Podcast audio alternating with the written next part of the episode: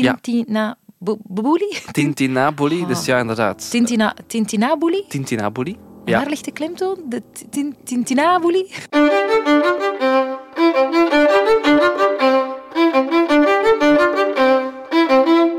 Welkom bij een nieuwe aflevering van Eerste Hulp bij Klassiek. Dag Sander. Dag Clara. Ja, klassieke muziek, dan eh, denken we vaak aan componisten die al heel lang dood zijn.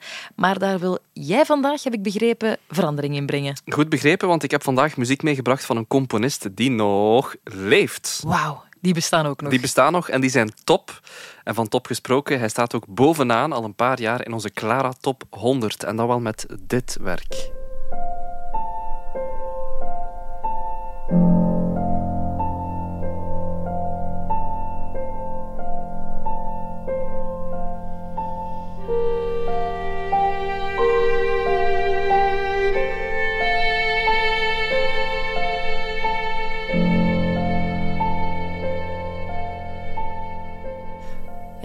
Spiegeltje, spiegeltje aan de wand. Wie is de populairste componist van het land? Je bedoelt Estland, want deze componist komt uit Estland. Een Estse componist, Arvo Pärt. Ja, staat al twee jaar bovenaan in onze Clara Top 100. Ja, met dit werk, Spiegel im Spiegel. Amai, dat zeg jij vreemd.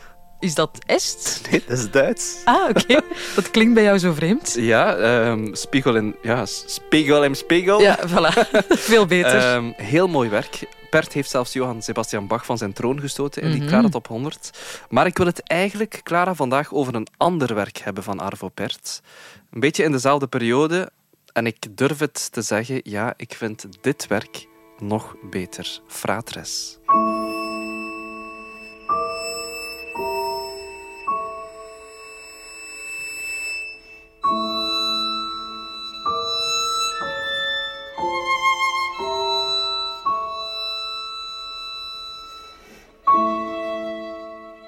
Ook heel mooi. Iets minder bekend eh, dan Spiegel im Spiegel, inderdaad. Maar daar komt na deze aflevering misschien wel verandering in.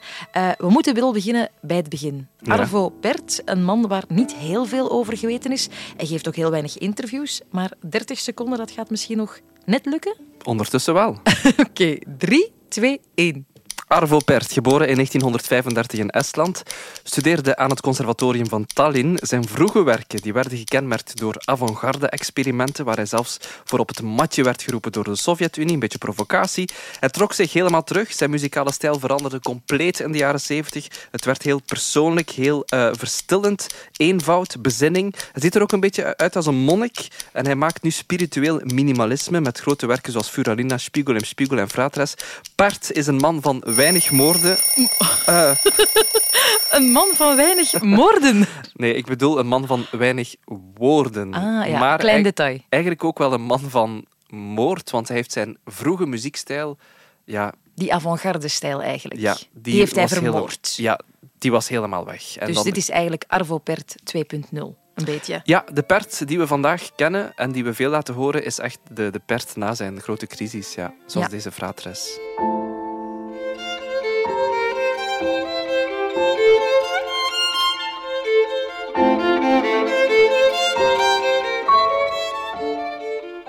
Maar ik denk als Arvo Pärt zou weten wat wij nu aan het doen zijn, dat we nu een kwartier over zijn muziek gaan praten, dat zou hij verschrikkelijk vinden. Want hij vindt dat zijn muziek voor zich moet spreken. Ja, maar hij zou het ook wel als een compliment kunnen zien dat we met deze podcast, Eerste Hulp bij Klassiek, we willen mensen verbinden met klassieke muziek. En dat is eigenlijk ook wat, wat Pert wil doen, hè? mensen met elkaar verbinden met zijn muziek. Ik denk dat jij, Sander, een heel goede monnik zou zijn. Ik denk het niet, eh, maar ik kan wel genieten van de rust. Want af en toe, heel af en toe, het is al even geleden nu, maar ga ik naar een klooster Nee. om een paar dagen echt tot rust te komen. Om te gaan bezinnen. Om te gaan bezinnen, om te lezen, om te wandelen. Ja, En je blijft daar dan slapen. ja, een paar nachten. Eén nacht, twee nachten en dan terug naar huis. En dan kom jij zo als herboren terug thuis. Vooral ontprikkeld terug thuis. Ah, want je mag geen gsm meenemen. en jawel, jawel, Ah. jawel. Ik heb denk ik ooit daar al geluisterd naar Fratres van Arvo Pärt. Ja.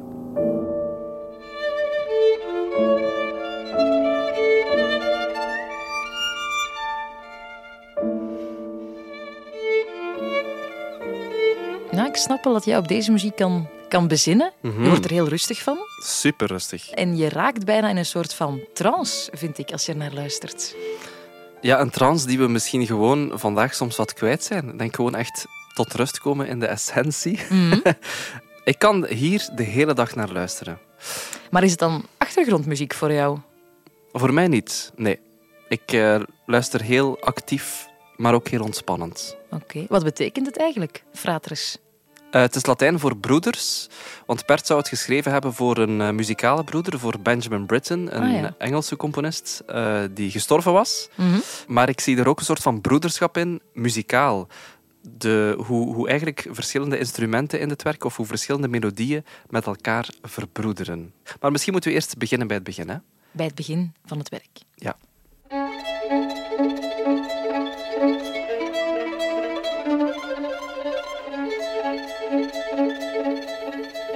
Ja, dat zijn bijna acrobatische toeren daar dat die violist uithaalt. ja, het zijn eh, heel snelle arpeggio's eigenlijk. Oh, oh, oh. Het zijn wat? Arpeggio's. Dat is een term die ik moet uitleggen? Ik denk het wel. Oké, dus in elke aflevering van Eerste Hulp bij Klassiek zijn er een paar termen die soms vallen, die soms moeilijk zijn of onbekend. Die iets van uitleg vragen, ja? Ja, zoals arpeggio. Eigenlijk betekent het letterlijk als een harp. Arpeggio. Mhm. Dus eh, stel je voor, Clara, je zit zeer elegant aan een harp. Ik zie je zo al zitten bij Ja, een symfonisch orkest, daar zo links in het hoekje. En dan zo... zo je, je handen die strelen over de harp, heen en weer over die snaren. En dat moet dan in dit geval de viool gaan doen. Ja, inderdaad. Dus een arpeggio, dus over de verschillende snaren van een viool, maar het kan ook op een ander instrument, want het is eigenlijk een, een gebroken akkoord. Bijvoorbeeld als je, als je aan de piano drie noten tegelijkertijd inspeelt, do, mi, sol bijvoorbeeld, dan eh, speel je een akkoord, maar als je die na elkaar speelt, pam, pam, pam, pam, pam, pam, pam, pam, pam, pam, pam, dan speel je het eigenlijk op een arpeggio manier. En dat klinkt dus zo.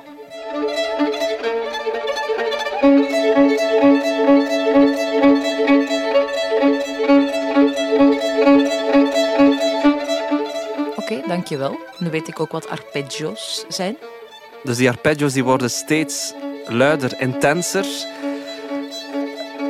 En wanneer gaat het stoppen of waar gaat het naartoe? Dat vind ik zo mooi aan deze versie van Fratres voor viool en piano. Dus, en als je dat live ziet op YouTube, op een video van een concert, ja, je leeft zo mee met de muzikant die dat speelt op viool. En dan plots stopt het. En die plam op die viool van yes, het is gelukt. Het is gedaan. Of het begint eigenlijk nog maar Begint, net. Ja. En nu? Rust. Ah. Dus het contrast ook. Mhm. Tussen die spanning en dan die ontspanning. En ik, ik, ik voel het zo hard. Dat is echt, echt landen. Op adem komen, Ja. ook voor die violist. En ik ben geen emo, maar misschien de tranen laten vloeien. Echt waar, als, als dit stuk komt, dat is zo mooi. En nu? Oh, ja. Schoon. Dus dat is ook fratres. De, de, de spanning en de ontspanning. Weinig noten, het is Mhm. waar. Maar serieus, hoe die binnenkomen. En dit is dan zo anders dan eigenlijk de Arvo Pärt die we, die we eerst kenden. Mhm. Toch? Want hij heeft een hele crisis meegemaakt. Hij had een heel andere stijl, een avant-gardistische stijl. Mhm. En nu keert hij ineens terug naar de essentie. Het is ongelooflijk, die, die switch van Pert. Dus in, in eh, 1968 had hij dus een heel luid werk gemaakt. eh, Credo, waarin er wordt gezongen Ik geloof in één God. Was pure provocatie voor de Sovjet-Unie. Eh, moest zich terugtrekken. eh, het werk mocht niet meer gespeeld worden. Ja, en dan heeft hij gewoon gezegd... Oké, ik moet mijn muziek uitkleden. Ik moet teruggaan naar de essentie. En die essentie heeft hij ook gevonden door zich echt terug te trekken als een, als een kluizenaar door zich te verdiepen in oude middeleeuwse gezangen. En dan in 1976 is hij naar buiten gekomen met een nieuwe stijl, met een, een heel minimalistische stijl. 1976 is ook het jaar van Dancing Queen van ABBA, maar vooral helemaal anders. Ja, maar dus ook van de nieuwe Pert. En, en de, de Pert die, die bovenaan staat in de top 100 en die Daar een beetje de Dancing King is. de Dancing King, inderdaad, van Estland. Eh, en het is eigenlijk alsof je een gedicht schrijft. Clara, jij, jij die gedicht schrijft, hè? Ik schrijf nooit gedichten, maar voor jou wil ik dat misschien wel eens doen, Voilà. Sander. Dus stel je voor, je, je, je schrijft een gedicht van twintig regels Mhm. in je leven.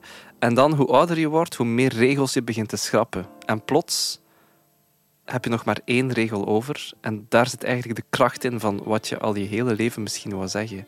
En dat is ook hoe Pert, denk ik, soms in het leven staat. Gewoon... Dat is mooi gezegd, Sander. Misschien moet jij zijn gedicht voor mij schrijven. Oké. En zijn timing kon niet beter zijn, want in Amerika was op dat moment de minimal music aan het opkomen van onder andere Terry Riley, Philip Glass. Dat was een soort van tegenreactie op al die complexe, abstracte, klassieke muziek. Uh, minimal music is muziek die bestaat uit, uit weinig noten, mhm. veel dezelfde noten, herhalingen, eenvoudige vormen, die heel snel terugkeren samengevat less is more. Mhm. En zo kwam Pert op het idee om zijn eigen versie van die minimal music te gaan maken, gebaseerd op Gregoriaanse muziek, Gregoriaanse gezangen. En misschien verklaart dat wel waarom, als ik naar Arvo Pert luister, vind ik dat dat zowel heel oud als heel modern klinkt. Die melodie van Fratres is bijna een soort van religieuze hymne, een religieus lied dat al precies eeuwen bestaat of zo. Waarop gevarieerd wordt of waar iets mee gedaan mhm. wordt. Ehm, en ik voel bij Pert ook wel een soort van, zoals je zei, een, een andere invulling. Meer een spiritueel minimalisme. Ja. Uh, mystiek zijn zo woorden waar ik aan denk. Uh, ja, de Russische orthodoxe kerk waar hij aan verbonden was. Maar hij heeft zelfs een eigen stijl gevonden en hij heeft daar zelfs ook een eigen naam aan gegeven. Tintinaboli. Ah. Ja, Sander, het is een woord dat ik niet eens kan uitspreken, laat staan uitleggen. Maar daarvoor ben jij er. Tintinabuli? Tintinabuli, dus ja, inderdaad. Tintina, Tintinabuli? Tintinabuli. En waar ligt de klemtoon? De Tintinabuli? Gewoon snel uitspreken. Tintinabuli, voilà. Oké, ja, dan ga ik het zo doen. Het is Latijn voor klokjes. Want, geef toe, Clara, als je naar Pert luistert, ik heb altijd het gevoel dat er zo ergens kleine klokjes mee trillen met de mhm. muziek. Een soort van... Ja, iets, iets wat meetrilt. Oké. En dat doet Bert ook door echt heel uh, theoretisch te werk te gaan. Ik ga het proberen duidelijk ja, ik, oh, ik, die, die ogen die worden zo groot. Maar als je zegt van ik ga het proberen eenvoudig uit te leggen, dan weet ik al hoe laat het is. Ja, het is uh, tijd om uh, Tintinabuli uit, uit te leggen. Nee, kijk, in zijn muziek gebruikt Pert verschillende melodieën. Mm Zover ben ik mee. Oké. Dus bijvoorbeeld ehm, een, een, melodie die gezongen wordt door een bepaalde stem, dus door de piano of de viool die dus een melodie voorspeelt.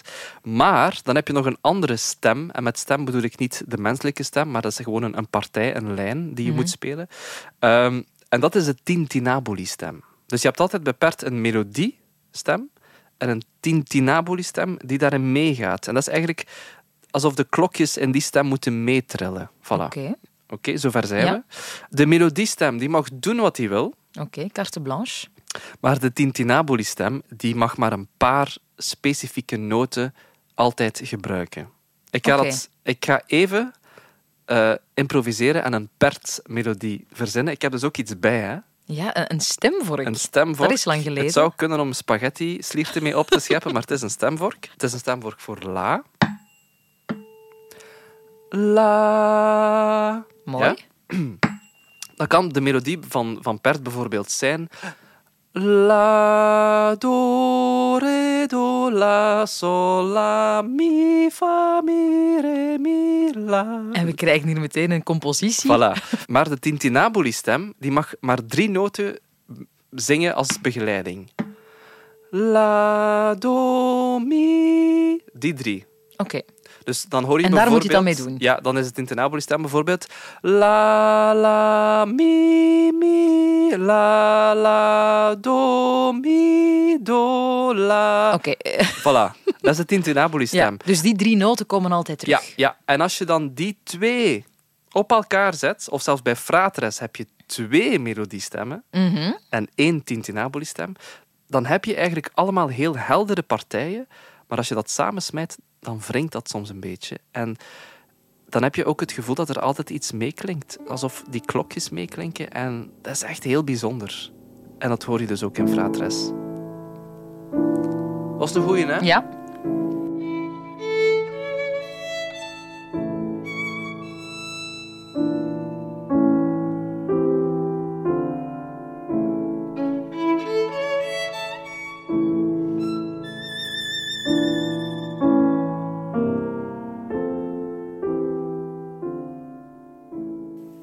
Moet ik wel toegeven, als ik hier naar luister, ik kan die verschillende stemmen wel niet onderscheiden. Nee, maar ze zijn er wel. En ze, ze, ze wringen en ze klinken. Eh, maar het is door die combinatie van die, die melodieën en dan die tintinaboli, die heel beperkte noten mag Mhm. zijn, dat het zo typisch Pert klinkt Ja, eigenlijk. Pertiaans. Pertiaans, en dat mooi woord. Hm? Ik denk dat het al bestaat, maar oké. Maar ook het hele idee van Fratres is eigenlijk heel simpel qua opbouw, maar het zit mooi in elkaar. Dus eigenlijk heb je eerst een soort van melodie en die wordt dan altijd opnieuw gespeeld, maar dan een, een, een stapje lager. Ja. En daardoor heb je ook het gevoel dat er altijd iets evolueert in Fratres. Want eh, je herkent het precies, maar het wordt dan lager gespeeld. Nochtans, er zijn wel mensen die vinden dat Bert zijn muziek zeer eentonig is. Daar ben je het dan niet mee eens? Ik ben het er niet mee eens. Bijvoorbeeld eh, in die, in die Fratres hè, hoor je dus die, die melodie van plam, plam, plam, plam. Dat is het eerste celletje. En dan komt er iets bij. Plam, plam, plam, plam, plam, plam. En dan verder. Plam, plam, plam, plam, plam, plam, plam. Jij kent die partituur van buiten. Heb ze hier bij mij liggen. maar het zit zo goed in elkaar, Clara. Ja, maar jij kan het gewoon bijna helemaal nazingen. Maar ik ben er jaloers op. Hè. Dus hoe... Had je dit willen schrijven? Ja. Oké. Ja, echt wel. Echt wel. Dit is... Maar dit toont ook van iemand die dicht bij zichzelf staat. Ja. En daar ben ik misschien ook een beetje jaloers op. Iemand Wij die, allemaal, denk ik. Ja, iemand die zoveel tijd neemt voor zichzelf. Ik benijd Misschien moeten wij ook mensen. eens vijf jaar naar een klooster gaan en ons gaan bezinnen. Welke muziek zou daar uitkomen? Ja, iets mooi, denk ik. Iets tussen Pert en Dancing Queen. Dat zou ik ook wel eens willen horen. Nochtans, you love it or you hate it. We zeiden het al, er zijn voorstanders, er zijn tegenstanders van Arvo Pärt. Al heb ik wel het gevoel dat er nog altijd meer mensen in die eerste categorie zitten dan in die tweede. Zijn concerten, waar ook ter wereld, verkopen meteen uit. Ehm, iedereen wil daarbij zijn. En ik denk dan toch dat het ook iets te maken heeft met de tijd Ja. we leven. Dat kan ook gewoon niet anders. Iedereen heeft het altijd druk, iedereen is altijd gestrest. En deze muziek ja, dwingt je echt om, om stil te staan, om, om tot jezelf te komen. Hij wordt soms ook een holy minimalist genoemd. Iets wat hij zelf verschrikkelijk vindt. Maar dat heilige, dat religieuze, zit er echt wel in. Maar dit is toch op een andere manier religieus of, of spiritueel. Want Arvo Pärt dwingt je om, niet om je te bekeren, maar om tot jezelf te komen. Toch? Supermooi, Clara, ja. ik zie je zo rustig worden en zo... Ja. ja. Nee, helemaal, helemaal waar. Het klopt wat ik zeg, hè? Echt, ja, 100 procent. 110 procent zelfs. Het is echt ontprikkeling in een wereld met veel te veel prikkels. Clara, Bert was geen grote babbelaar. Nee, wij ook niet, hè? Jij wel, de komende 30 seconden, want ehm, jij mag Fratres samenvatten. Goh, ik ga al heel blij zijn als ik het woord Tintinabuli eh juist ga uitspreken. Was dat juist? Ja, daar win je een seconde mee als je het juist Oké. uitspreekt. Oké. Fratres van Arvo vertel er mij alles over in 3, 2, 1. Eh, fratres betekent broeders of broederschap in het Latijn. Een compositie van de Estse componist Arvo Pärt, die nog altijd leeft. Het is een van zijn eerste werken in zijn nieuwe stijl, Tintinabuli, eh, wat dan weer Latijn is voor klokjes. Hij baseerde zich hiervoor op minimal music uit Amerika, maar hij maakt er iets Pertiaans eh, van. De muziek klinkt bijna hypnotiserend, modern en oud tegelijk. Er bestaan ook heel veel verschillende versies van. Vindt Arvo Pärt allemaal prima, want de kracht zit in de noten, niet in de bezetting. Het moet klinken eh, zoals een grote handdoek, heeft hij ooit gezegd. Wat? Ja, Handdoek? daar dacht ik ineens aan. Arvo Pärt geeft bijna nooit interviews, eh, maar hij heeft ooit gezegd dat zijn muziek eigenlijk als een soort van handdoek is om, om troost te bieden. Mooi. Ja, ik weet eigenlijk... Ik gebruik nooit een handdoek als ik aan het huilen ben of zo. Ja, misschien moeten we dat beginnen doen. Ah, oké. Goeie samenvatting, Clara. Arvo Pärt, Fratres, 1977. Ga jij mijn samenvatting nu nog eens samenvatten? Nee, het is zo verleidelijk. Ah, ik, ik, moet echt, ik moet eigenlijk meer een pert zijn in het leven. Ik moet veel... Tot de essentie Ja. komen. Ja, dat is waar. Ik ben echt nog eh, pert 1.0. Ik zit nog in de jaren 60. Misschien en- moet jij nog eens naar een klooster gaan, Sander. Misschien moeten wij samen naar het klooster gaan en samen naar Fraters gaan luisteren daar. Ja, maar de vraag is welke versie. Ja, dat is een vraag voor jou. De oorspronkelijke versie uit 1977 was voor strijkers en blazers quintet. eh, maar ik zou toch gaan voor viool en piano. Die is een paar jaar later ontstaan. Mhm. Eh, en bij Fratres denk ik aan viool en piano. Ik weet niet waarom, maar... Dat, de is voor jou, ja. Ja, en dan vooral met de violiste en Akiko Myers, een Amerikaanse violiste. Want zij heeft ook Fratres al heel veel gespeeld, onder andere ook in het Arvo Pärt Centrum. Bestaat dat? Ja, dat is iets fantastisch. Heel eh, moderne architectuur in een dennenbos aan de kust. In Estland, In Estland, aan. Ja. in de buurt van eh, Tallinn, in Laulasma. Misschien moeten we daar eens naartoe, op bezinning. ik ben daar nog nooit geweest, ik wil daar naartoe. Dus volgende keer eerst zullen bij Klassiek op locatie. Oh, Goed idee. Ja, maar dan moeten we het wel over Pert hebben. Hè? Ja, en dat is nu wel net een probleem, want ik heb voor volgende keer al iets anders in Ah. gedachten. Ja. Dan keren we een paar eeuwen terug in de tijd, want dan gaan we naar de barokperiode, een periode van overdaad. En dat is eigenlijk een beetje het tegenovergestelde van wat we vandaag hebben gedaan, want dan is het eh, more is more. Maar dat is voor volgende keer. Volgende keer bij Eerste Hulp bij Klassiek. Tot dan.